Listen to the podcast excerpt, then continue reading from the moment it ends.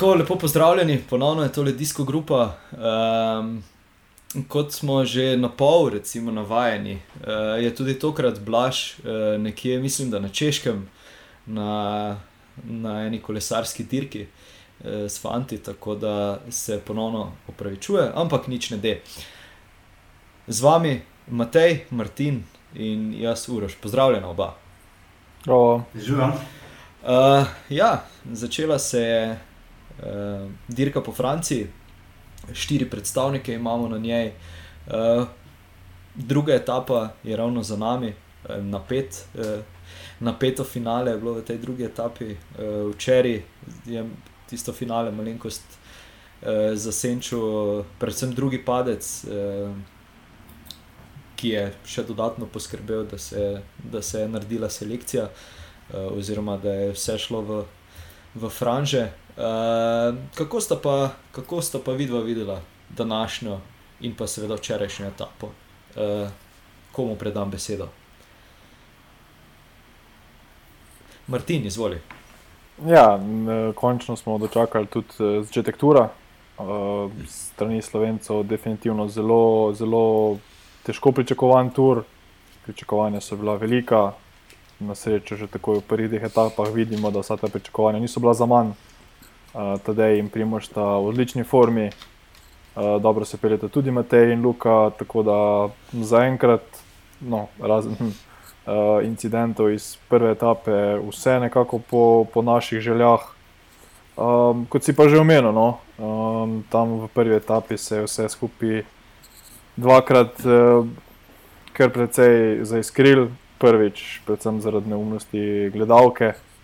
Um, drugič pa iz nekih kolesarskih razlogov, stvar, ki ni toliko neprečakovana, ampak v, v prvih etapah pravzaprav lahko rečemo tudi pričakovana, mogoče ne v tako velikem obsegu, kot se je zgodil ta drugi padec, ampak vsekakor je v prvih etapah že večkrat smo podarjali, tudi vsi kolesari povdarjajo, da se v prvih etapah uh, vsi v bistvu hočejo dokazovati, sploh včerajšnja etapa, moramo vedeti, da je bila takšna, ki je lahko ustrezala zelo različni paleti kolesarjev. Od nekoliko bolj, uh, sprinterjev, ki so nekoliko bolj, boljš, boljše se peljejo tudi v klanec, uh, tipa Matthew, Skolbreli. Um, potem so tu klasični pančeri, se pravi Vanderpol, ali Filip, Van Ert in pa tudi uh, povsem kandidati za generalno. Uh, Bila sta zraven tudi Primoš in TD, tako da res ogromno Eh, neke etape so, ko so samo sprinterji ali pa samo kandidati za generalno, takrat se točno ve in ostali nekako se, se umaknejo, če tako lahko rečem, ali pa se nekoliko prišparajo za druge dni, včeraj je šlo pa res na polno in mislim, da sta bila to glavna razloga, poleg seveda reklamnega panoja, ki, ki nima kaj iskati na, na takšni dirki. Ja, um, dejstvo je, da je da je na prvih etapah itak vse hektično, tako kot si rekel, uh, zgodijo se paci. Kaj pa ti, Matej, kako pa se je tebi zdelo? Uh, predvsem mogoče tisti transparent, uh, ki je. uh, kaj je že pisalo, ali omi in opi, torej oči, uh, mislim, dedek in babica. Ja, mene je prav, predvsem navdušilo. Um, kako neumen nasmešek je imela ta ženska na obrazu, ko je na cesto ta, ta panov pomolila. To niso kolesarske navijače, ne? ona je bila tam zato, da je pozdravila svojega delja in babico. Um, čisto neumno se nimamo kaj komentirati, menda jo zdaj išče celo policija, kar je prav, ne vem sicer kako se tazga človeka kaznuje, verjetno zaradi povzročitve vse splošne, ne vem, kaj tazga. Um, Ja, kaznovati pa ne morejo za to, koliko je škoda naredila in ta škoda se najbrž meri v 100 tisočih evrih. Um, ker ne gre samo za materialno škodo, ampak za odstope, za to, da um, je v bistvu vse zadnje spremenila na nek način potek dirke, mogoče za naslednje tri tedne. Um, zaradi vseh poškodb, ki so se zgodile in tako naprej. Um, no, vse zadnje so še dobro odnesli, k sreči se je to zgodilo ravno um, ko so prečkali ti zgorski cilj in je tempo očitno večkrat padel, um, sicer bi bilo lahko verjetno še huje. Ja, in potem, ko se je peloton nekako komaj da uspel sestaviti skupaj, ko je končno dirka lahko potekala, recimo, temu normalno naprej, uh, se je pa zgodilo še tisto, mislim, da je, uh, če sem prav videl, en iz Movi starja zapel s kolesom uh, in, in tam povzročil v bistvu tisti padec, ki, ki se ga dejansko ni dalo preprečiti, tako kot se jih, mislim, načeloma. Se tudi prvega paca samega po sebi ne da preprečiti, razen tega, da pač tisti, ki navija, bolj trezno razmišlja. Uh, Martin, izvoli, povej. Ja, mislim, jaz sem pač neko neumno vprašanje postavil tam v, v našem čatu. Na kak način bi lahko bil uh, Tony Martin oziroma kolesar pripravljen ali pa opazil recimo, to neumno žensko ob strani. Ne? Ker vemo, da vseeno obstaja pač v kolesarstvu neki znaki, ki pač predstavljajo nevarnost, ponovadi se označuje s tem robnike, neke ovire na cesti, kar ta ženska je bila. V tem res hitrost neverjetna, ampak nekako zdi se mi vseeno, da, da to žensko, prvo, prvi razlog je ta ženska, nima kaj iskati na tem mestu. Ampak ali bi bilo se možno temu izogniti na kakšen način, da bi, bi lahko. Ker v bistvu mislim, da je bil Gesink prvi, on se je še uspel umakniti, Tony Martin takoj za njim, pa pač ni imel niti sekunde časa. Ne. A bi lahko z neko signalizacijo Gesink oziroma kdorkoli uvidel to žensko, ker ona je res stala že prej ona ni skočila na cesto, ne? Uh, na ta način spet neko razmišljanje, kako prihodne. Ker danes, danes smo videli veliko tega opozarjanja. Danes so bili kolesari ravno zaradi včerajšnjega incidenta veliko bolj pozorni. Um, bolj se mi zdi, da so se nekako opozarjali drug drugega, da ne bi pride več do tega. Ne? Tako da se mi zdi, da vsekakor to bo tudi zdaj, v vsaj naslednjih etapah, dokler ne, ne pozabijo včerajšnje, bo to prisotno. Kar se tiče pa drugega paca, so pa tudi vsi mediji to označili kot klasičen kolesarski padec, se pravi nepravilnost uh, nekje re, relativno na sredini pelotona, tako v, v poziciji naprej, nazaj, kot levo, desno. In ja, mislim, da je en od kolesarjev Movi starja padel in potem, ker množično tam so leteli do, do v gost noter, uh, res kot, kot bi neka bomba eksplodirala, se mi zdi, tam na vse strani so se kolesari raztepli. In kar se tiče poškodb, mislim, da je bil ta padec precej hujši. No. Uh, Mark Hirši naj bi ta, ta padec zelo slabo odnesel, tudi Chris Froome. Uh, Mark Soler, mislim, da je zaradi tega paca danes celo ni štartal, čeprav je včeraj prišel. In ja, ti, ti, ti paci so pa del kolesarstva in tako si rekel, zelo težko se jih je izognati. Um, treba je še enkrat več podariti, da treba biti čim višji postavljen v pelotonu in nekako biti zavarovan, da se, da se čim lažje, če se lahko temu izogneš. Ne moreš se pa 100% nikakor. Ja, jaz sem si zadnjih 25 eh, km včeraj še enkrat pogledal, ker je veliko lažje gledati, ko veš, kaj moraš gledati, eh, oziroma pač eh, tisto, kar ti v živo zleti mimo. In je dejansko to, na kar so nekateri namigovali, da pač ja, ne morete zbiti karton. Uh, itd., itd., ne, ženska je imela v bistvu stegnjeno celo roko za tistim kartonom, ne, kar se šele potem vidi, ko jo zavrti. Uh, tako da pač, če pa te nekdo z roko zbije z kolesa, pa po moje še ne vem, kako dober bike handler si, ko boš pri 40-50 na uro katapultiral samega sebe, pa še vse ostale, ki so za tabo. Uh, Matej, preden, uh, preden ti dam besedo, uh, pa je Miha Horvat uh, na Facebooku napisal, kaj pravimo na količino zlomljenih okvirjev. Ja, zdaj, uh, tukaj lahko sem z moje strani rečem, da dokler pokajo samo okvirji, uh, je, je za potrkati po lesu uh, in, in je to to. Matej, kaj pa bi ti rekel? Ja, no, kaj rečem. Pač Um, pač se pač pokajo, okviri. Um, Padali so drug po drugem, kolesari, kolesa in le nimamo kaj, pokajo, okviri, tudi na maratonu Franje lahko vprašamo. Um, Jurta Berka, še ko jih je popravljal, koliko je imel dela, zdaj uh, Dejana Kastelica, tu pač po Franje ogromno dela, ne, tudi za naše mojstre, ki popravljajo okvirje. Um, ja, uh, kaj si še želel uh, predtem povedati, preden sem ti zastavil tole vprašanje glede okvirjev? Uh, imel si eno repliko oziroma dodatni komentar k vsemu temu? Ne, hotel sem samo reči, da se tak zgapad zaradi take neumnosti pač ne da preprečati. Ne. Um, govorim o tem panoju. Če bi se mogoče še Tony Martin izognil, se pa tretji ne bi, ki je bil za njim. Pač enostavno ne gre. Ne. Um, tudi ne moreš tega pričakovati, oziroma vsi vedo, da se to lahko zgodi, ampak če bi se tega bal, če bi potem bolj, da sploh ne pridejo na štat. Mislim. Um, Vse pa to dogaja, da vem, vsako leto se o tem pogovarjamo, pa zgražamo. Pa tako pač je. Tukaj je bilo samo še tako huje, po mojem, ravno zaradi tega, ker se še tako buta stržala, medtem ko se je kazala na televiziji. Pa prva etapa. Zaradi tega vse skupaj, ja, pa prva etapa, pa ja, da, ne vem, moj tak.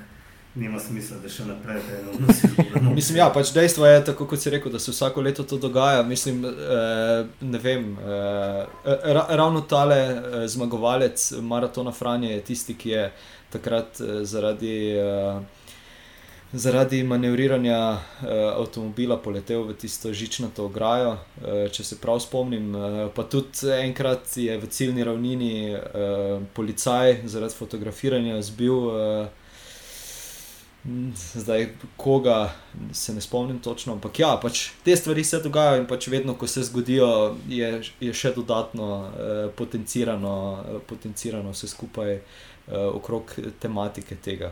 Martin, izvoli, povej. Ja, moja replika se še navezuje v bistvu na to pokanje okvirjev, ki je za mene kar dosti čustveno, glede na to, da je moj okvir trenutno po, uh, počen na dveh delih. Uh, ni sicer karbonski, ampak ja, tudi aluminij pokne uh, brez huj, hujšega paca. Tako da verjamem, da tudi karbonski okviri za nekoliko več narja ob takih pacih, ko se res. To je bilo vse splošni kaos. Uh, videli smo, kak je bil recimo Mateo Kolo po, po tistem pacu.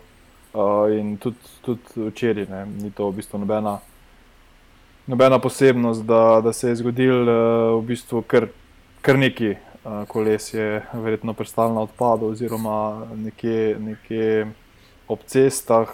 To je spet sestavni del kolesarstva. O karbonu smo že večkrat omenjali, da tudi hiter poči. In, ja, nevar, nevarno pa je za kolesarje, ker vemo, da karbon lahko v bistvu kar da sporeže kolesarje ker lahko tudi nevaren. In to pa je stvar, ki, na katero je treba biti pazljiv. Samo pokanje se mi pa ne zdi tako presenetljivo ali pa, ali pa sporno. Ok, uh, Matej, izvoli, povej. Um, ne, se, sem pač vse povedal. Okay. Um, ne vem, gremo mogoče to povedati, eh, kako, kako fletno je ide šeling, eh, dirko. Ne vem, kako se sploh izgovori, ali je skeling ali je šeling. Eh, vrhunsko, mislim. Ja. Vrhunsko, no. mislim, jaz sem bil navdušen, včeraj in danes. No. Eh, lahko, lahko kar to rečem. Pa izvoli, ker, ker poveš, poveš naprej. Ja, ja, ne, tako on se je odpeljal tam uh, tem obežnikom in vsi smo si mislili, kako se ta dela, ne, gre zdaj po eno točko.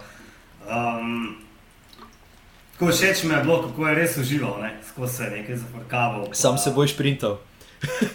Sam se boš printal, pa mahal množicam. Tako res je videl, da uživa in mu je bilo res za prvošče. Tudi pričakoval sem, da bo šel uh, danes spet v pobeg um, in spet dobro delo, potem je pa tun smo vse pokvarili. Ne? ne vem, zakaj je tun moral ravno pred gorskim ciljem skočiti.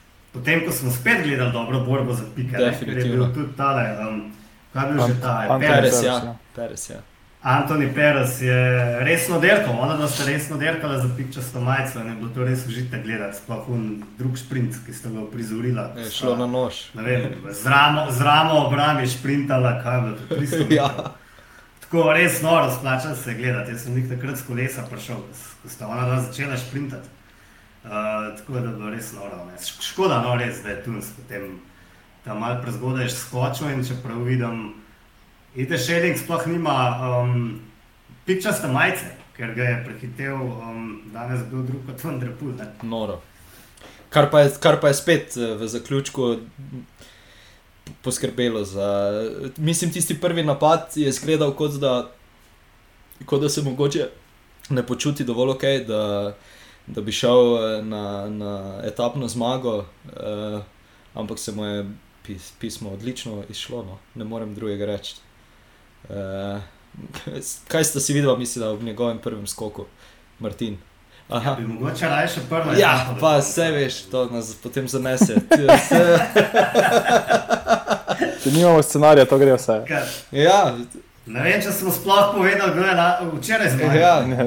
Nismo ga niti omenili, po mojem, v celi. uh, novo pečeni očka, uh, Julian Ala Filip. Uh, na drugem mestu Michael Matthews, na tretjem uh, Primoš Roglič, na četrtem Jack Hake, uh, na petem Vilko Kilderman in na šestem uh, je zaključil včerajšnjo etapo Tadej Pogačar.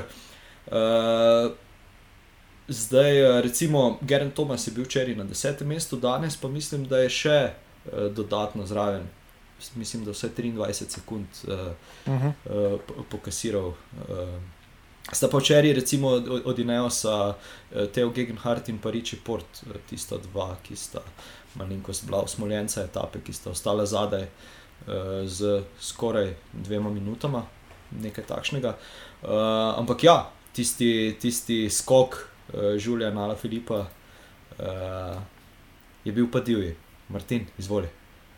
Ja, tudi Karapas, Karapas mislim, da če je bil tisti drugi v mestni grupi, ko je dobila nekih 5 sekund uh, v primerjavi z, z Filipovim zasledovalci. Vsi vemo, tudi kolesari so že večkrat podarili, kakšen pospešek, kakšen kik ima Žuljana La Filip in če je še enkrat več pokazal, res odličen napad. Uh, tam pa ne vem, zelo kdo od njegovih pomočnikov, ko je nekoliko Quick Step narekoval tempo, je pred zadnjim njegov pomočnik že spustil, ampak je tempo toliko padel, da je imel še čas priti nazaj in še potegniti zadnji. Zadnji, zadnjimi atomi moči, in potem tistem napadu je Ala Filip skočil. Uh, takrat, v bistvu na drugi poziciji, uh, Sony Colbrelli, če se ne motim, oziroma uh, Van Ert in pa Sony Colbrelli sta bila zelo dobro postavljena. Van Ert ni, je začel pogledovati, mogoče tudi iskal, kje je Primož. Uh, in je Primož potem sam iz 8. 10. pozicije poskušal pokriti napad, uh, napad Ala Filipa, ko si enkrat 10 metrov za njim, uh, je zelo težko. Uh, in Ala Filip je res potem zdržal do konca, do cilja. Um, ena stvar, ko sem jaz opazil, se mi zdi, da pa spet mogoče zgolj moje opažanje, ni, ni dir, je dirko predvsem na to rumeno majico in na etapno zmago. Ker ob prihodu v cilj je že par metrov pred ciljem se začel veseliti. Uh, nekdo, ki bi šel na generalno razvrstitev in iskal vsake sekunde, bi tu šel uh, na polno do cilja in poskušal čim več pridobiti. Tako da mislim, da bo on na tem turu, predvsem uh, etapne zmage, pobiral uh, mogoče celo um, kako pikčasto majico, za generalno se mi pa zdi nekako, da, da letos ne bo, no, tako že v bistvu lani. Podobno, podobno dirko. Potem pa v zadju, pa ja, smo videli eno dobro borbo.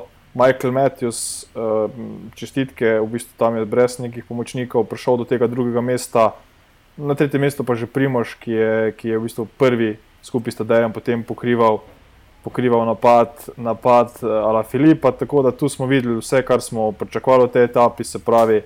Uh, na zaključku res eno zelo dobro, dobro dirkanje in zanimivo že tako od prve etape. Za razliko od nekaterih prejšnjih uh, turov, ko smo videli ali kronometer ali neko sprinterske etape, se mi zdi, da je letošnji tur že takoj na začetku nas nam postregel z nekimi ognjemeti, in prve dve etape sta bile res uh, vrhunske. Res je, se strinjam. Matej, izvoli.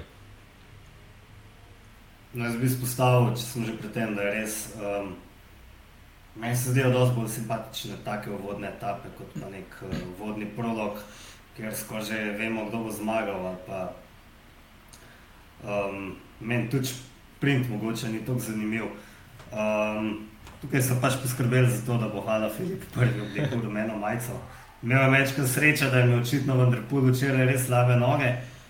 Um, mogoče pa tudi, da sta Pogačar in Roglič večkrat drug drugega gledala. Jaz sem dobil tako občutek, saj iz helikopterja. Um, Mislim, iz pogleda iz helikoptera, ne, da sem bil jaz v helikopterju.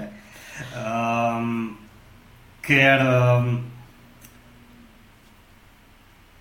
tam sta nekako drug drugega gledala. No.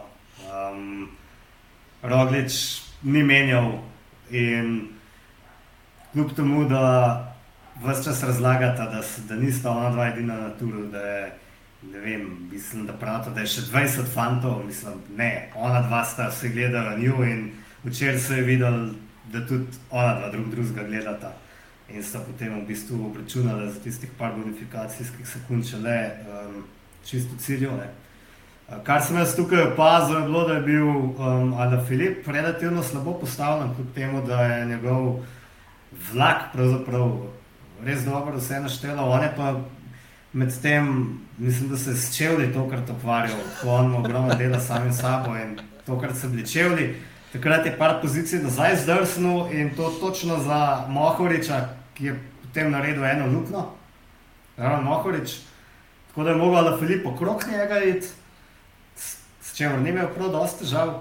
V tistem je pa od zadaj prišel Dries Devenic, ki je bil ta, ki je od nikjer prišel, uh, tako en quick stepa in mi je bilo prav zanimivo, ko mislim, da je celo nekaj rekel, Ala Filipu pogledal, da sta se Ala Filipe še pokimal večkan in sta pač šla tistih par deset metrov, sto metrov, glede na njih potegnil in potem je šel Ala Filip po svoje. In ne samo, da ima on ta rukar, to dober, um, potem še drži.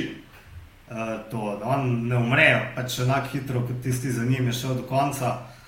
Uh, Presenečen je tukaj mogoče Pierre Latour, ki je šel zelo dobro za njim, pa je mogoče malo zamudil, če bi priključil Ala Filipu, kar je skoraj ne mogoče, ne, pri tem, kako se je odpeljal, bi mogoče celo vzdržal vsaj tam do drugega mesta, tako pa, tako pa pač ne. No. Um, kar sem opazil, je tudi, da je Vod van Ert um, potem delal za Rogeča, uh, je vlekel s tem, uh, ni dobil potem, se mi zdi, na koncu niti ene točke, tako da je predvsej jasno, da mogoče ne cilja na zeleno majico, kot se je namigovalo, um, ampak je bil tam pač za Rogeča, ki je na koncu pa pokazal, da kolikor je več kontaktiziral, oziroma sta skupaj s Pogačem kontaktizirala, gledala drug drugega, da je da vendarle letos ne bo teh sekund oddajal, ampak se bo boril za vsako posebej.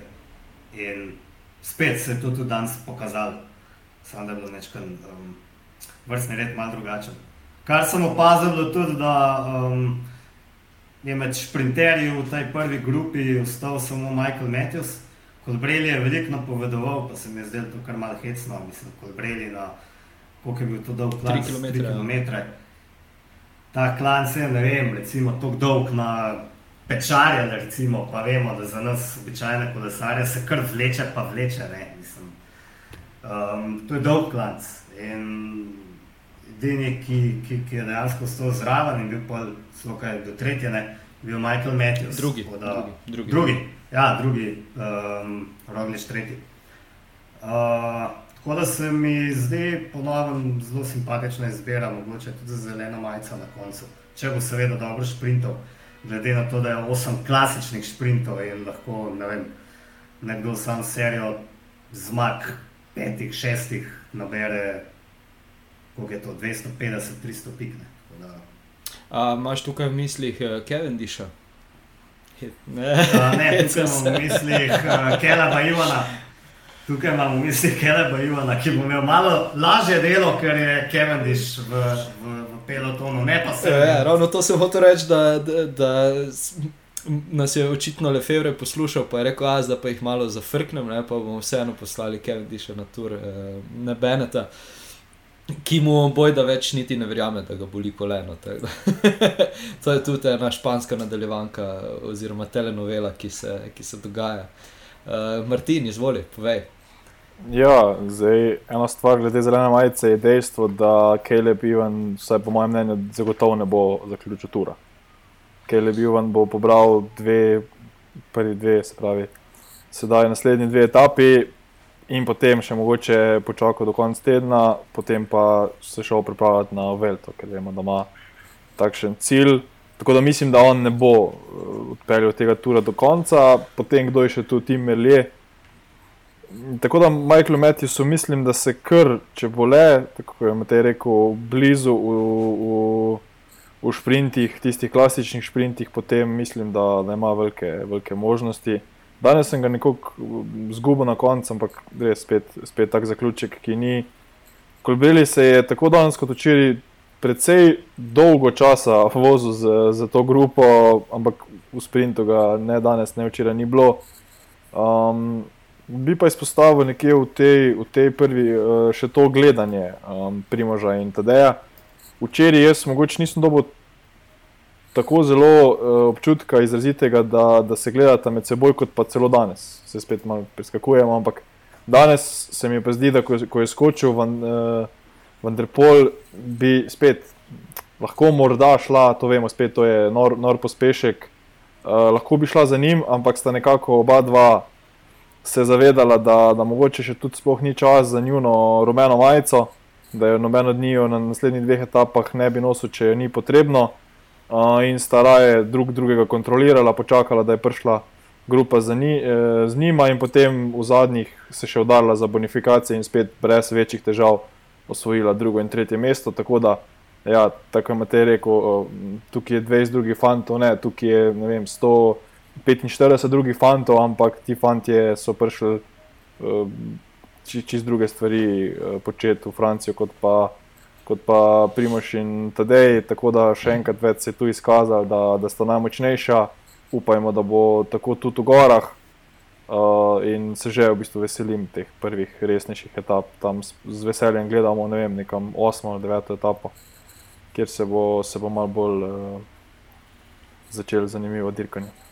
Iskra, izkristaliziralo se skupaj. Ja, Zdaj, ja. Jaz bi na tem mestu še, še izpostavil uh, Mateja Mohoriča, ki je pač v bistvu res, uh, sploh danes, je bil še bolj viden kot včeraj, pa res. Uh, uh, pripeljal uh, Kolbrelja super, na super pozicije, pa vse, ampak pač ok, dalje, uh, dalje se, se ni šlo, ampak uh, mislim.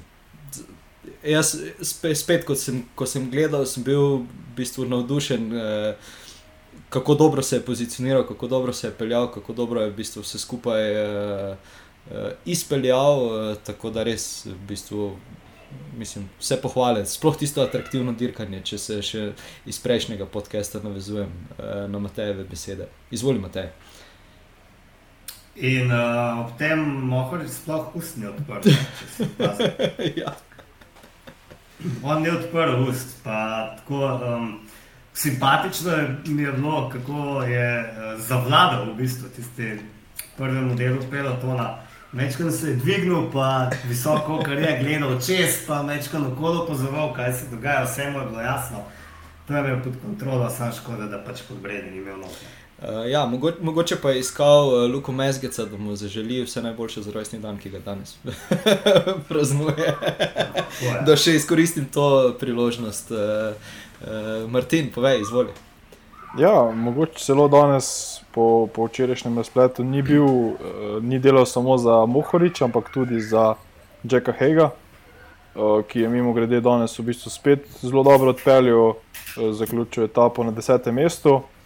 Uh, skupaj z Vilkotom Keldermanom sta še eno tako začetni presenečenje. No? Mogoče, vsaj jaz nisem pričakoval tako visok na, na začetnih etapah, nista gli znana kot kolesarja z z, kot eksplozivna kolesarja, vseeno sta boljša na daljše klance. Uh, tako da to sta neki dve manjši, manjši presenečenji, poleg Laturja, ki ga je že omenil Matej. Uh, bomo videli, koliko sta pa sposobna v, v daljših klancih. Ne? Jack Haig, vemo, da je uh, kapetan ekipe Bahrajna, Vilko Kelderman naj bi bil so kapetan Bore. Tako da bomo videli no, eh, v gorah, kaj sta stalno sposobna, Matej pa vsekakor. No, danes je bil spet označen za prvaka Slovaške na Eurosportu, tako da to bomo očitno še poslušali nekaj časa, ne glede na to, kaj naši kolesari počnejo. Uh, ampak ja, um, vse, vse čestitke tudi njem in pa seveda tudi se pridružujem čestitkam uh, Luki ob uh, današnjem rojstnem dnevu. Definitivno, definitivno. Um, ja, misli, ki sem jih želel zdaj povedati, so mi splavale iz glave, eh, tako, da jih, tako da predajam besedo Mateju, izvolim Matej. Všeč mi je, da si izpostavil Jacka Hega in Vilka Kedermana, sicer bil jaz. Um, sta pa svoje presenečenje, po drugi strani pa predvsem Vilko Kederman cilja na dobro vrstitev skupnem seštevku, tako da ga tam načeloma celo pričakujemo. Um, za Jacka Hega do zdaj nisem dobil občutka, da bi dirkal na generalno razvrstitev, razvrstitev, danes je pa že v izjavi, ki smo na Eurošportu videli, um, omenjal prav to, no, da, da se bo, kot da je neke vrste lider in da se bo boril za dobro vrstitev. Zdaj na roko ima gre ta smola, ne. Jaz si tukaj napisal nek seznam tistih, s katerimi letos ne bo nič. Ne. Uh, ker so preveč zaostali zaradi včerajšnjih neumnosti, nič krivi. Ne. Uh, cel kup jih je, recimo, Emanuela Buhmana sem jaz štel kot nekoga, ki bi lahko na lepem postal kapetan, če bi Vilko Kelderman kaj zamočil, pa že zaostaja minuto 40.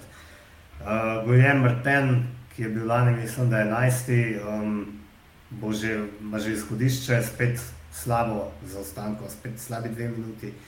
Um, Valverde je zaostal, zelo slabo se je vse iztekel za um, star, Izrael Startup Nation in Michael Woods in Dan Martin sta ostala daleč zadaj včeraj in boste videli, kaj čemu etapne zmage. Um, popolnoma bojo morali pa taktiko, ki so jo imeli najbolj spremeniti pri Neosu, ker si je Richie Port zgubil uh, dobre dve minuti, Daugel Gegenhardt, ki je kao bil četrti. Um, potencijalni kapetan je pa že dobrih 5 minut, 5 minut pa pol zadaj.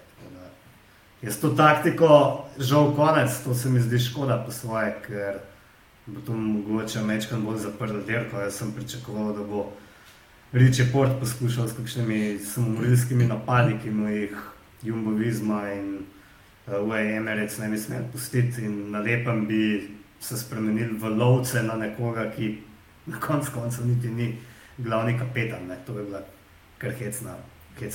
Ja, jaz sem danes predvsem pričakoval, da se bo Karapas izstrelil kot ena raketa, glede na to, kak, eh, kako smo pripravljali vse skupaj. Tisto je izgledalo res, eh, res divje. Jaz sem, čakal, kdaj bo, kdaj bo potegnil, pa pač žal ni bilo nič iz tega. Uh, Bi, bi pa še iz Jumbo Visme uh, izpostavil Jonasa Vingegarda, ki se je dejansko izkazal za, za dobro, uh, dobro izbiro pri Jumbo Vismi. Predvsem je v teh prvih, vsaj v teh prvih dveh etapah, uh, veliko več pokazal kot uh, mogoče katerikoli drugi uh, označen za super pomočnika. Pa vsi vemo, na koga mislim, na tistega, ki bi, naj bi bil sokapetan še do nedavnega, pa mislim, da tudi to več ni. Uh, Martin, izvoli, povej.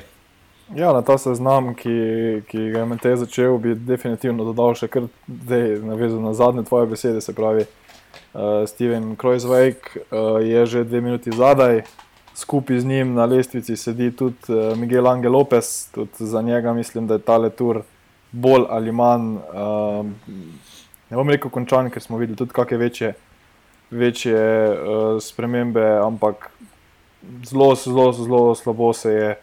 Recimo, da včeraj, mislim, omenil je že tudi um, Matej Dena Martina, poleg uh, Michaela Woodsa. Simon Jejc je rekel sam, da ne gre na generalno, zato si je že kar v prvih dveh etapah pet minut nabral. Um, to so vsi kolesari, ki so kar na hiter, mislim, da se mi zdi, da se odpovedali bitki za, za generalno, tako da tu le že nekje okoli 20. mesta so že kolesarji več kot minuto zadaj, kar na dveh, pa ne tako zelo zahtevnih etapah, se mi zdi kar veliko. No. Um, tudi recimo Karapaz zaostaja za Pogačarjem in Rogličem že več kot 15 sekund. Um, pa je v bistvu bil nenehno zraven, ne, ni, ni sploh zaostal. Tako da se mi zdi, da se bo ta razlika, vse vemo. Pač, uh, peta etapa je to že kronometer in ti, te zastanki se bodo večali. Tako da nekako do konca tedna mislim, da se bo že prvega tedna se bo že nekako izoblikovala tista skupina kolesarjev, ki bo ostala. Uh, so pa tu res neka manjša presenečenja. Vingegard je recimo zraven, zagotovo bo, bo prišel prav pri možu. Uh, Enrik Mas je relativno dobro postavljen iz ekipe Movistarja, če ste že Valverde in Lopes odpovedala. Lucenko me je nekoliko presenetil, čeprav vem, da se letos dobro pele. Gudu, Uh, tudi Nairo Quintana, ki sta ga danes naša dva komentatorja nekako zamenjala z vsemi drugimi kolesarji ekipe RK, uh, čeprav je zelo izrazito drugačen od njih, ampak seveda to ima nekaj za mir. Uh, ona dva le upravljata veliko težje delo kot mi iz Kauča. Uh, in pa Rigoberto Oran, ki je danes, mislim, da celo uh, z nekim pospeševanjem, oziroma ali biti igita. Uh, tako da to so neki ti kolesari, ki jih jaz vsaj zaenkrat vidim uh, za tretje mesto, seveda. Uh, vse drugo pa mislim, da bo počasi, v, kon, v koncu prvega tedna bo pa jasno nekoliko več, kdo, kdo, kdo od teh kolesarjev bo še odpadel, oziroma če bo kdo od kolesarjev, ki, ki smo jih danes navedli na tem seznamu, se nekako prebudil in vključil v bitko za to tretje mesto. Ja, tu velja izpostaviti. Uh tako kot smo že na začetku rekli, da pač je bedasto in putasto, ko se taki paci zgodijo na prvi etapi, predvsem eh, mogoče za Krisa Fruma, s, kateri, s katerega ne da, smo, ne da smo se norčevali, ampak da smo veliko več pričakovali od njega, mogoče tudi sa, od samega sebe, ampak pač ta, ta pr, padec v prvi etapi. Ker je komaj stopil uh, na noge, oziroma se postavil na noge, pač to, to res niso lepi posnetki, oziroma res niso lepi prizori, ko vidiš nekaj takega. Um, k sreči je, je vse ok, uh, pravi samo, da ima podplutbe. Uh, je pa uh, Mark Soler zlomil obe dve, obe dve, oba dva komolca ali nekaj takšnega, ne? vsaj neke nadlahtice, podlahtice, vse živo. Tako da, ja. uh, Martin, izvoli, povej. Ja, Kris Frum je na hiter uh, včerajšnjo smolo izkoristil za promoviranje nekih krem, ker v zadnjem času je predvsem zelo dejaven na uh, družbenih oziroma socialnih omrežjih, tako da tudi iz te poškodbe oziroma tega incidenta je izkoristil očitno neko dobro stvar. V meni treba še prej smo že omenili padec Marka Hiršija, on naj bi imel dislocirano ramo. Um, zdaj jaz si ne predstavljam, na srečo še nikoli nisem imel, ampak si predstavljam, da bi verjetno ležal en teden posli, kaj še le hodil veliko kol na kolose, pa v bistvu zagotovo ne bi usedel. No. Na tem mestu še enkrat res pač treba izpostaviti, da to so res nori napori in da en dan potem, ko padeš, imaš dislocirano ramo. Ne samo, da en dan potem ti se moraš seveda do cilja pripeljati, to nista bile neke čiste sprinterske etape, da se pač samo odpelješ. Uh, tudi eh, bilo je včeraj večkrat omenjeno časovna zapora. Tok pacev, ko je bilo ti glavnina odpeljena naprej, še časovna zapora. Ne? Zdaj, neutralizacije vemo, da naj ne bi bilo. Um, to, so, to so stvari, ki, ki res niso prijetne. No? In še enkrat, vsa čas vsem tem kolesarjem, ki se to gredo, in uh, ja, si ne predstavljam, kako bi bilo to nam, v bistvu, nekim navadnim rekreativcem. Veliko lažje, po mojem, imeti potem na kolo, če veš, da bašiš milijon evrov na leto. Zagotovo. Kot pa nam, ko moramo iti v ponedeljek spet v službo, če nas je vrgli v soboto. Ja. Definitivno. To je en faktor. Um, mene, mene vrže z mojim kolesom, njega pa službenim. To je tudi še ena stvar, verjetno, ki je nekoliko drugačna. Ne? Uh, a bomo še kaj povedali o drevesih? Uh, Kako kak kak so se vam zdeli včerajšnji drevesi Alpes in Phoenixa, kako se vam zdijo uh, drevesi Bore in pa uh, Total Direct Energy, ki se je preimenoval v Direct Energies ali nekaj takšnega, Total Energies. Nekaj podobnega. Uh, oni so celi maurični. Uh, moram reči, da, da me ne bi nič motilo, če bi uh, Alpesin bil uh, cel, cel tur v tistih včerajšnjih tresih, uh, v, seveda v poklon, oziroma s tem so se, tem so se poklonili Polidorju, detku uh, Matthew Vanderpula, ki je bil danes uh, izjemno vesel, ko je osvojil uh, rumeno majico, to si je želel. Matej, izvoli, boš kaj pripomnil. Mislim, da te pecinove drevesa včerajšnji so bili sicer grdi, kot so bili, ampak. ne, ampak ne, so mi bili obenem všeč, ne, ker mi je všeč, da so na ta način pač spomnili na to bogato zgodovino. Um, akcija sama mi je bila všeč in dejansko bi, rad, bi, bi mi bilo fajn, če bi dirkal v teh drevesih do konca, do konca tura. No. Sploh glede na to, da bi bil tako rekoč detkovem drevesu danes um, zmagal na tem vendrpolu in oblekel majico, ki je uh, polidorni nikoli ne. Um, glede ostalih drevesov pa nisem nekaj navdušen. No. Tem total energiji mislim, da imajo sicer še kar solidne drevese za eno prokontinentalno ekipo. Um, zdaj ob tej zamenjavi so večkrat šareni. Um, ampak dobro. Kaj smo še rekli? A ja, zamenjala jih je Bora. Nisem neki navdušen, pretirano. Pozabil si pa na um, Jumbo. Kubeko. Jumbo. A ja, Jumbo, Jumbo ima dejansko to, kar so Pozabil nisem. So kar nekaj potegnili. Ne, so kar. So, so nekaj potegnili iz teh drevesov, ki sicer niso bog ve kaj. Ne. Um, so, so, mi kar všeč. Um, pozabil si pa na Kubeko. To pa ne, sem pozabil. se Ponovno ne imenuje več Kubeka, Asos, ali Asos Kubeka. Kar pač očitno pomeni, da Asos res ni dal veliko švicarskih frankov, ampak predvsem cunje. Ponovno se imenuje Kubeka Next Hash. Next Hash je neka kriptovalutna nekaj, nekaj. Um, verjetno imajo dovolj denarja, da podprejo ekipo. Ja, pa sej, uh, že v bistvu na državnem prvenstvu se, se pojavljajo pa nice hash ali nekaj takega. Tudi neke kriptovalute, tako da so očitno kriptovaluterji mahnjeni na kolesarstvo eh, in na sponzoriranje eh, takšnih in drugačnih ja. stvari. Kaj, eh, Jumbo, Jumbo Drese smo sicer že enkrat aprila, mislim, da izpostavili zaradi eh, te njihove kampanje, ker si lahko eh, eh, s tem, ko si kupil dres, eh, kupil tudi svoje ime na adresu eh, in si izbral kolesarja, eh, na katerem bo tvoje ime pisalo. Ampak moram priznati, da me, da me moti, da jih ne, ne uspem najti v pelotonu. Vsi ostali nekako izstopajo, to, ampak oni pa se nekako zlijajo z, z asfaltom in ne, jih ne vidim tako dobro. Res, čeprav. Ja, uh, ni bila namerna šala, glede na včerajšnji padec, ni bila namerna šala. Uh, ja, ne vem, kako, kako se vam zdijo, uh, Martin. Ja, res je, mogoče za razliko od uh, prejšnjih izvedb, bili, je bila tista rumena bolj izrazita.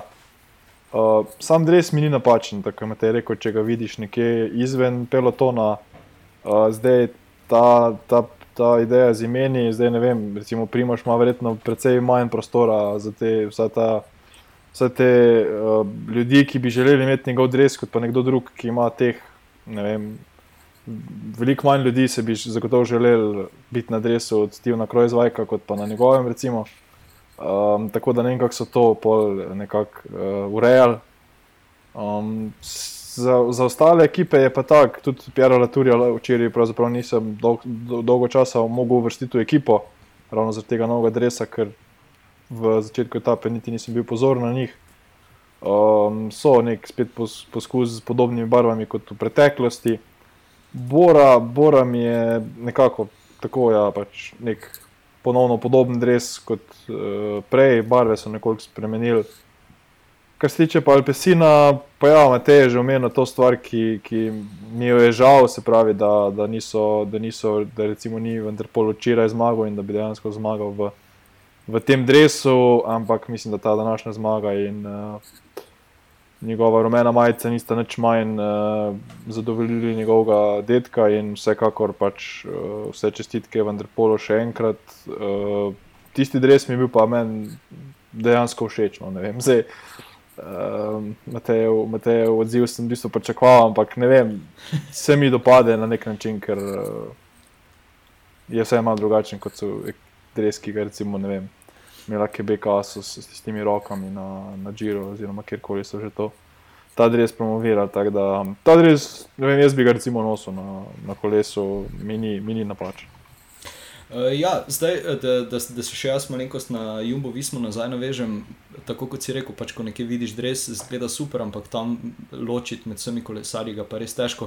Še, naj, še najbolj se razloči Vaut van Arta uh, v dresu prvaka, seveda. Um, je, pa, je pa kar nekaj zmede okrog teh uh, dresov državnih prvakov, ker ima pa Sagan, pa, pa naš Matej Mohorič, uh, kar eh, bomo temu rekli, ne moramo reči identično, ampak zelo, zelo, zelo, zelo podobno dresa. Eh, eh, tako da ja, eh, malenkost. Oba sta slovaška država, ja. pa smo ta isti dresa. Kjer bil? Dvojčka. Ne, ampak Matej, Matejeva čelada se mi dopada, no, ker to je pa res, že sam je izpostavil, da se vidi iz helikopterja in to pa resno. Uh, njegova čelada je pa vidna iz ne samo iz helikopterja, še po moje iz Marsa. Mask bo verjetno imel direktni pogled na, na te očelado. Um, ja, še velja kaj izpostaviti, smo še kaj pozabili, je še kaj takšnega. Uh, razmišljam pa. pa, pa. Druga etapa, mogoče. Da, ja, nismo še druge etape. Da, dobro se držimo skripte, dobro se držimo vsega napisanega, vidi se, da smo. Časovnica v nulo. Ja, čas... časovnica je v nulo. Um, brez pacev je tokrat šlo, razen tisti en mini padec v, v obežni skupini, uh, ki ga sicer kamera ni ujela. Um, Ja, že prej smo nekaj povedali, um, Ide Šeling se je, se je noro boril uh, z pomagajta mi, uh, kateri je že bil drug kolesar. Uh, Antoni Perez. Perez, Perez, tako je s Perezom. Uh, ja, kaj bi rekli? Uh, v bistvu, z moje strani, kot sem že prej rekel, nisem pričakoval. Eh, prvega napada uh, Matthew Vanderpoola in potem sem v bistvu nekako mislil, da če je tisti prvi napad izvedel, mu drugi, oziroma mu v drugo, definitivno ne bodo tako lahke noge, uh, kot so mu potem dejansko bile. Uh, Martin, izvoli. Ja, že, že komentatorje ste se spraševali, če mu tisti napad. Uh, vsi vemo, no, v ciklokrosu so ti ta pospeševanja precej bolj redna kot pa recimo na, na sami kolesarski dirki, ki je nenormalno daljša. Ampak jaz sem bil mnenja, da je, ker v bistvu takoj po bonifikaciji oziroma po vrhu klanca je Vendrpol že začel čakati. Um, in sem imel občutek, da to ni nujno bilo pač dejansko vse, kar on ima. Ker vemo pa, da je si preračunal bonifikacije in da v primeru, da bi Filip bil na drugem mestu, je bila to edina rešitev, da pobere in prve bonifikacije in druge bonifikacije, uh, oziroma etapno zmago, samo tako lahko pride do rumene majice. In, uh, osebno nisem bil tako zelo pre, presenečen ob njegovem še drugem napadu, ker pa spet vemo, da to je res njegov teren. In, uh, nekako bil sem bolj prepričan, da, da Žuljana La Filip ni bil. Sposoben odgovoriti na ta drugi napad, okay, na prvi, prvi napad ga je res mogoče presenetiti, ker je bilo to še 16 km do cilja. Medtem ko tem drugem napadu pa se je točno vedel, da je zaključek etape, uh, kaj je na kocki. In, uh, ja, zasluženo, zasluženo v Nerpol. Komun, nekako komentirali smo pa že dogajanje za drugo mesto, za bonifikacije med Tadejem in Primožem. In tu mislim, da ni kaj dodatno, spet sta bila premočna za vse ostale. In, ja, ko mi čakam, da, da se to še preseli v, v Alpe. Matej, izvoli, kako si ti videl tole? Ta njegov napad, eh, mislim, Matej Vanderpuda je bil videti res butast, ampak butast je bil videti tudi napad na eh, terenu Adriatiko, pa je do konca zdržal. Tokrat sem se začel res tam nekje na sred klanca sprašovati, dobro, pa se najbrž ne gre na polno, glede na to, da se ni oddaljeval od grupe, ki je bila praktično še cela. Mislim, da je edin kric front takrat odpadel. Um, Tako da je bilo videti, da nima tiste hitrosti, s katero bi želel zmagati s 16 km dolgim pobegom, ki po mojem naturu vendarle ni mogoče. Um, glede na to, da je konkurenca uh, toliko starejša. Um, tudi to, kako hitro sta, um, se ne vem, kdo je bil še zraven, uh, Pogačare in Rogeča, ki ste šprintali za tiste bonifikacije, kako hitro so ga ujeli. Je Vilko je bil zraven. Tako, to, tam se je videl, da pač ne gre na polno, da, da, da že čaka. Um, Če me ja, potem pa ta zaključek, um, ko pa v bistvu relativno pozno šel, ne, oziroma je celo čakal, celo ni sam tistega napada iniciral, ampak um, ne, vem, kdo, ne vem, kdo je bil tisti njegov um, moštveni kolega, ki se je odpeljal uh, z Davidom Formulom. A z drugim koštom, kdo je bil ta od uh, UAE? Formula. Uh, tisti, Je bil Formula, je bil aha. Formula. Ja, ne vem pa, kdo je bil Ja. uh, iz LPC-a. Um, v glavnem, tam je formula kar hudo umrl, se je videl. Um, navdušil me je Nairo Quintana, ki je v bistvu tudi precej visoko pozicioniran. Jaz sem sicer mislil, da bo šel on na generalno razvrstitev, pa je potem menda omenjal, da ne, da bo šel na etapne zmage. Ampak si bo mogoče premislil, zdaj, ko bo videl, da je zelo visoko v skupnem seštevku. Um, Potem je pa kot Breli se pokazal, ne? uh, on je 900 metrov pred ciljem pohodil no, in takrat je pa šel za njim um, Vanderpool in se tudi odpeljal. Um, mogoče bo presenečenje edino to, da je imel Pavla Filip verjetno precej slabe noge letos, uh, danes. Um, sicer bi verjetno že na začetku klanca poskušal narediti enako kot včeraj. Um, ker to ga reš, ne, verjetno v primerjavi z Vanderpulom, da zdrži na daljših klancih. Ta um, betanski zid je verjetno res bolj pisan na kožo tem težjim kolesarjem, ne, kot seveda je Vanderpul. Um, ja. Ostal, jaz sem ostal brez besed, oziroma ne, ne vem, kaj bi nadaljeval, ker sta res. Ne, kol, eh, kolbrelja, vse- jaz bi vse- mogoče malo pokomentiral to Povej, njegovo odločitev, ker se mi vseeno zdi, da je kolesar, ki bi, če je, a res pa če je bilo to vse, kar je še imel, se pravi, sam, da imamo se malo pokazati na televiziji, da smo zraven, ker na tistem mestu spet, ne vem, prišel je manj kot kilometr do cilja z grupo, na njegovem mestu bi še počakal vsaj tistih par metrov in potem napadal, ker to ni njegovo močnejše orodje- orožje v taki grupi. Ne? Niso bili to zdaj tisti čisti sprinterji, da bi jih mogel v kolbeli presenetiti z napadom daleč, ampak bi lahko čakal, ukolikor seveda bi se čutil sposobnega. Tako da mislim, da bi bil to bolj napad. Recimo, tole še lahko, in potem brez, brez problema ga je v bistvu vendar pol pokril, in tudi potem napadel sam. In ja, kar naenkrat je ostala kar precejšna luknja, ki sta potem v bistvu tedaj pa Primoš nekako počakala vse ostale in potem še enkrat napadla. In, ja, ali Filip pa je bil, ali je bil preveč slabo postavljen, oziroma enostavno ni imel danes nog. No, se mislim, tudi, tudi tam, ko je ka kamera kazala, uh, oziroma ko izpostavi, na katerem mestu so kateri kolesari, je bil Ala Filip kar, kar zadaj v tisti skupini, nekje na ne vem, kaj bi rekel, 30, 30 poziciji, pa se ni. Pa se ni tako spretno smukal naprej, tako kot mogoče 10 km prej na tistem eh, malem spustu. Tisto pa je res bila ena mala mojstrovina, ko so, ko so ga spremljali s kamero, eh, kako je v trenutku pridobil, kaj pa jaz vem, ogromno pozicij, bom tako rekel. No.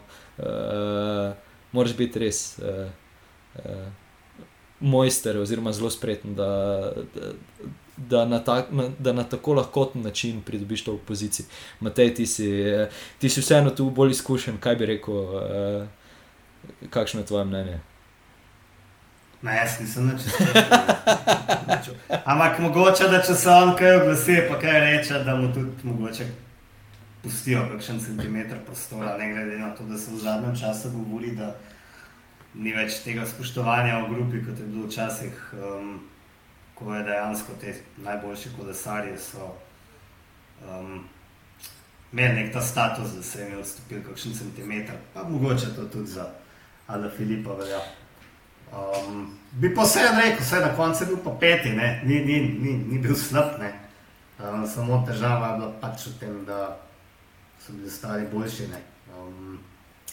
Celo Kelderman ga je prehitev. ne.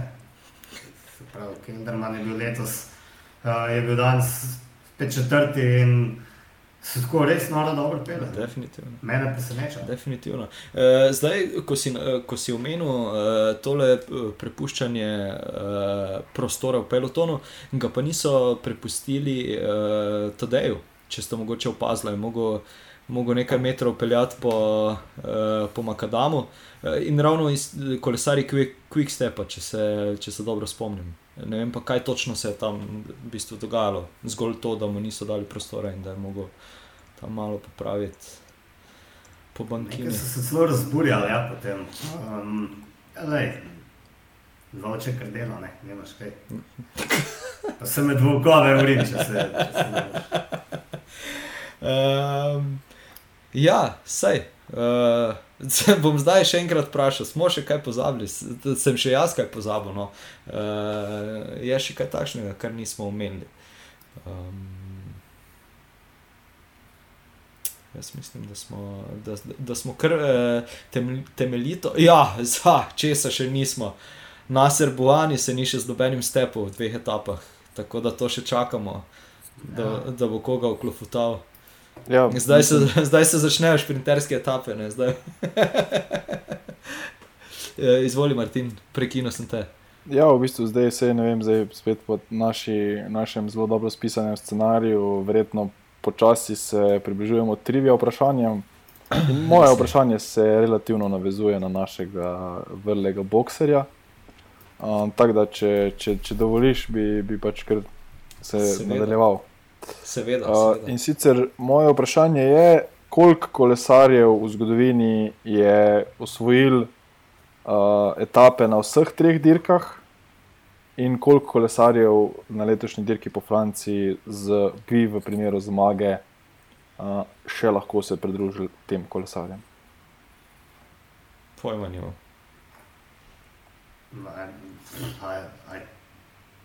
12 ali 13, nekaj takega.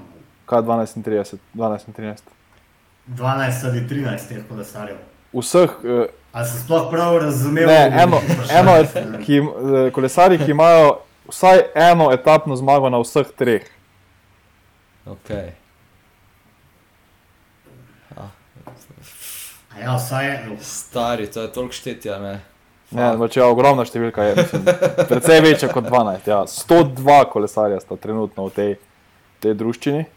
Okay. Uh, kdo od trenutnih kolesarjev bi pa se jim lahko pridružil? Zdaj vsaj za enega, jaz upam, da veta. Poleg, Misli... poleg Boanja, na katerega sem se že prej navezal, recimo. Bojan je prvi. Čak, še enkrat, torej, tisti, ki, aha, tisti, ki zmaga etapo na Turu, se pravi, potem imajo etapno zmago na vseh treh. Ja, tako trije kolesari imajo etapno zmago že na Džiru in Velti, manjka jim pa še zmaga na Turu. Aha, okay, torej Poleg Boanja iščemo še torej dva. Ja, to je Mohorič. Hvala, bravo, Matej Mohorič. Ja. In še, ostane nam še, še en kolesar v pelotonu, to pa je Esteban Čaves. Aha, ok. Zanimivo.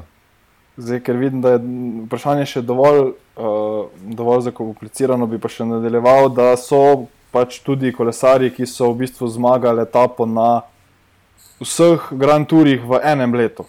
Vemo, da je letos to cilj uh, eh, Keleba Juana uh, in to so pa v bistvu trije, trije taki kolesari. Uh, zdaj se bom sicer trudil prebrati vse tri primke, ampak naj mi ne zamerijo tisti kolesari, mislim, tisti poslušalci, ki dejansko koga od teh poznajo z izjemo zadnjega, se pravi Miguel Poble, Poblet, Pierino Buffy in pa Alessandro Petaki. Aha, okay, Zadnji je leta 2003, se pravi, usvojil um, zmago na vseh treh. Ne? In teh, tem trem se pa v bistvu lahko pridruži uh, Caleb Juvan ali pa tudi Tim Merlije. In še kdo je verjetno tak, ki, ki še ima to možnosti, ampak seveda zmagajo imajo šele na enem od treh je še kar dolga pot. Res je. Ok, ok. Matej, izvoli, predajam tebi besedo. Um, ja, jaz sem imel nekaj težav z mikrofonom, kot verjetno veste, tako da se nisem prav dobro pripravil na to vprašanje. Um, ampak uh, sem se ga zdaj razmislil na hitro. Okay. Uh, koliko nekdanjih pikčastih majic uh, dirka na letošnjem turu? Uh, govorimo o tistih, ki so majice pripeljali v Pariz. Ne? Okay, Tadej je eden izmed njih. Ala Filip II, Varen Bargil III. Je imel... Ni bil Quintana tudi. Ne. Je, je imel Quintana, je imel tudi. Čak, kdo še?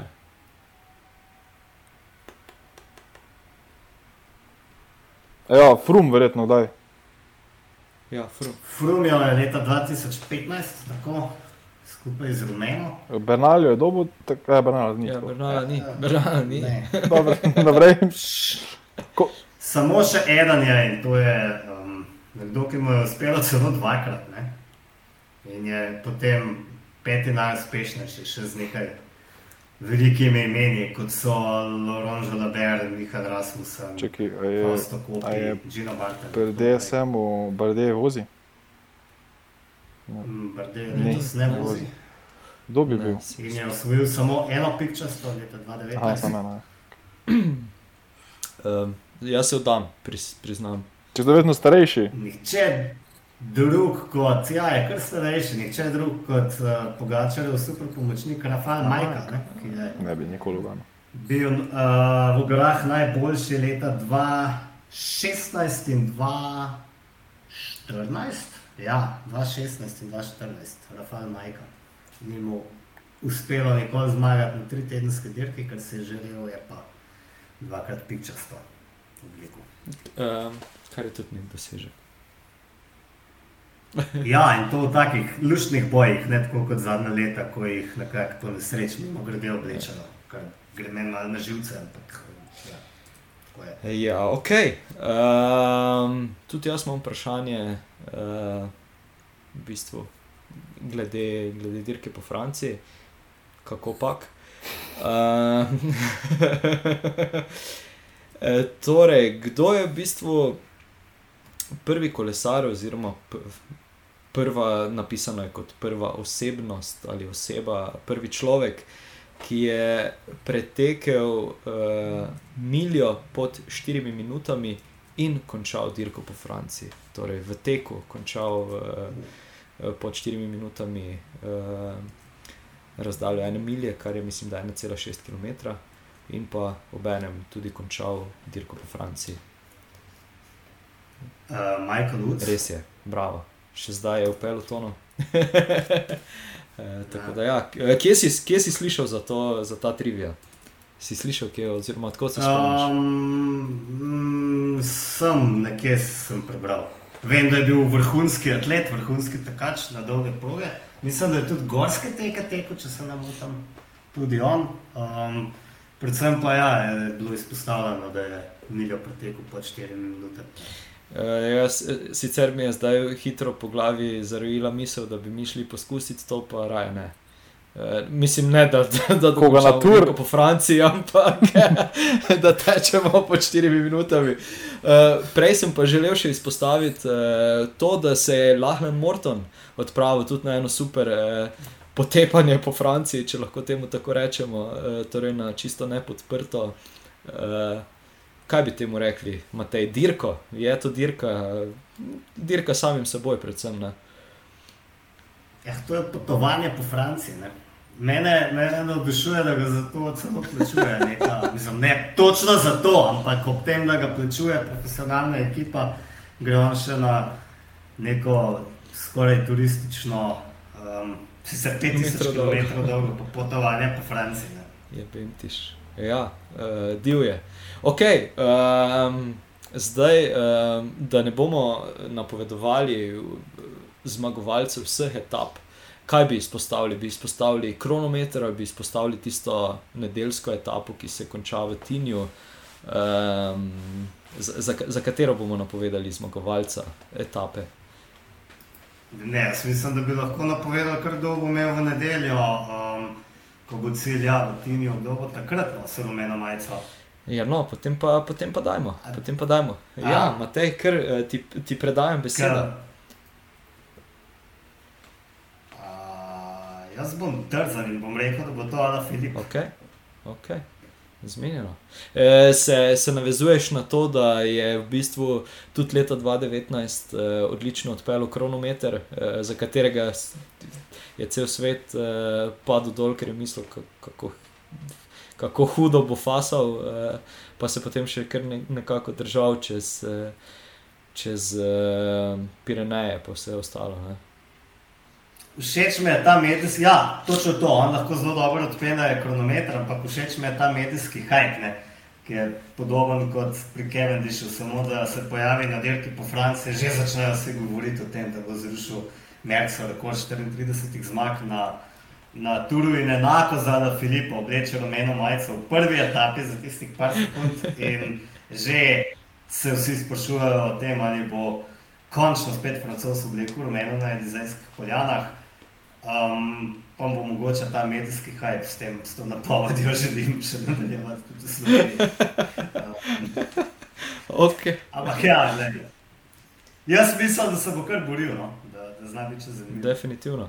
Martin, kaj pa ti misliš? Ja, jaz ne vem, zdaj spet bom verjetno nekako uničil. Ne bi rad uh, nekako slovenskih upov zatiral ali karkoli, ampak jaz mislim pa, da je tale kronometer precej drugačen od tistega v boju, ker je tam bil precej bolj gorski. No. Ta je bolj ravninski in mislim, da bo Primoš tu v primerjavi z Filipom bistveno več pridobil, kot pa izgubil kasneje. Tako da jaz bi pa rekel, da bo, da bo to Primoš. Uh, bo pa sta zdaj, po mojem, na, na blizu, ker vemo, da sta zdaj sekundo na razen in tisti kronometer bi znal kako sekundo razlike narediti, potem pa bo pa tudi unifikacija. No. Jaz bi skoraj rekel, da bo ta že konec tedna v bistvu v Tinju prvi in drugi. Um, pa ja, za sprinterske etape mislim, da bo Evan, ja, kot smo že prej omenili, dobil obe dve in potem šel domov. Ok, ok. Ja. Kaj torej meni preostane? Nič mi ne Frum. preostane. Frum, ja. uh, preostane mi samo to, da se, da se obenem še pohvalim, da bom se v živo javljal iz Tinja uh, naslednji teden. Uh, tako da, uh, ja. Uh, če bo kdo od poslušalcev uh, tam, se lahko zmenimo za kakšno pivo ali kavo ali pa karkoli drugega. Si ja, ne vem, ne upam si napovedovati, uh, ne, upam nič reči, ker ne vem, kaj, kaj nam bo ta teden prinesel. Uh, mogoče, mogoče pa celo karapas preseneti. Uh, pa, pa ob tem, da se, da, kar smo že izpostavili, da se bosta uh, Tadej in Primoš uh, markirala drug drugega, uh, on povleče. Uh, povleče asa iz rokava in uh, v nedeljo obleče rumeno majico. Um, ja, dajmo se, pres dajmo se presenetiti, tako kot smo se do zdaj vedno mogli pustiti, da te presenetiti, ker je, kot smo videli, teh, te, predvsem prvi etapi, ne mogoče karkoli napovedati, ker je toliko drugih dejavnikov. Pa seveda, vsi, ki, vsi, ki greste navijati ali pa ki boste navijali ali kakorkoli, dajte se malo bolj pametno obnašati ob cesti, če, da, da ne boste zaradi nepravih eh, razlogov na televiziji, pa tarča posmeha, pa vsega ostalega. Um, Pa da jih ne bo kdo dobil, kdo še takrat, ko smo imeli splatev, Miguela Angela Lopeza. Če pa že kdo kaj naredi, pa naj hitro spiči, tako kot je ta uh, gospodična. Ja, ja raje ne, raje ne. Um, ok, um, še velja kaj omeniti. Um, še kaj, smo še kaj pozabili. Uh, tokrat nismo imeli uh, ekonomsko-propagandnega obvestila, pa ga bom zdaj kar izkoristil, ker nosim tole majico. Uh, Martin, mislim, da bojo dobili jutri, Matejo in Blažo bo tudi poslano v tem tednu. Tako da se boste lahko tudi, uh, da se boste lahko tudi vi pohvalili z njo na, uh, tukaj. Uh, ampak ja, pridno jih kupujete, za kar smo vam zelo hvaležni. Zdaj bo, bo že kak, kako pivo, poleg hamburgerja, mogoče sladica še zraven, še mogoče to. tako da ja. Um, jaz mislim, da je to, to z naše strani, pa se slišimo v nedeljo. Je res. Drži.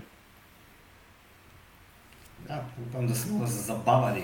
Ah, to se pa vedno. Why so serious? uh, ja, nič. Čau, čau, lepo bodite. Čau. Srečno, živijo.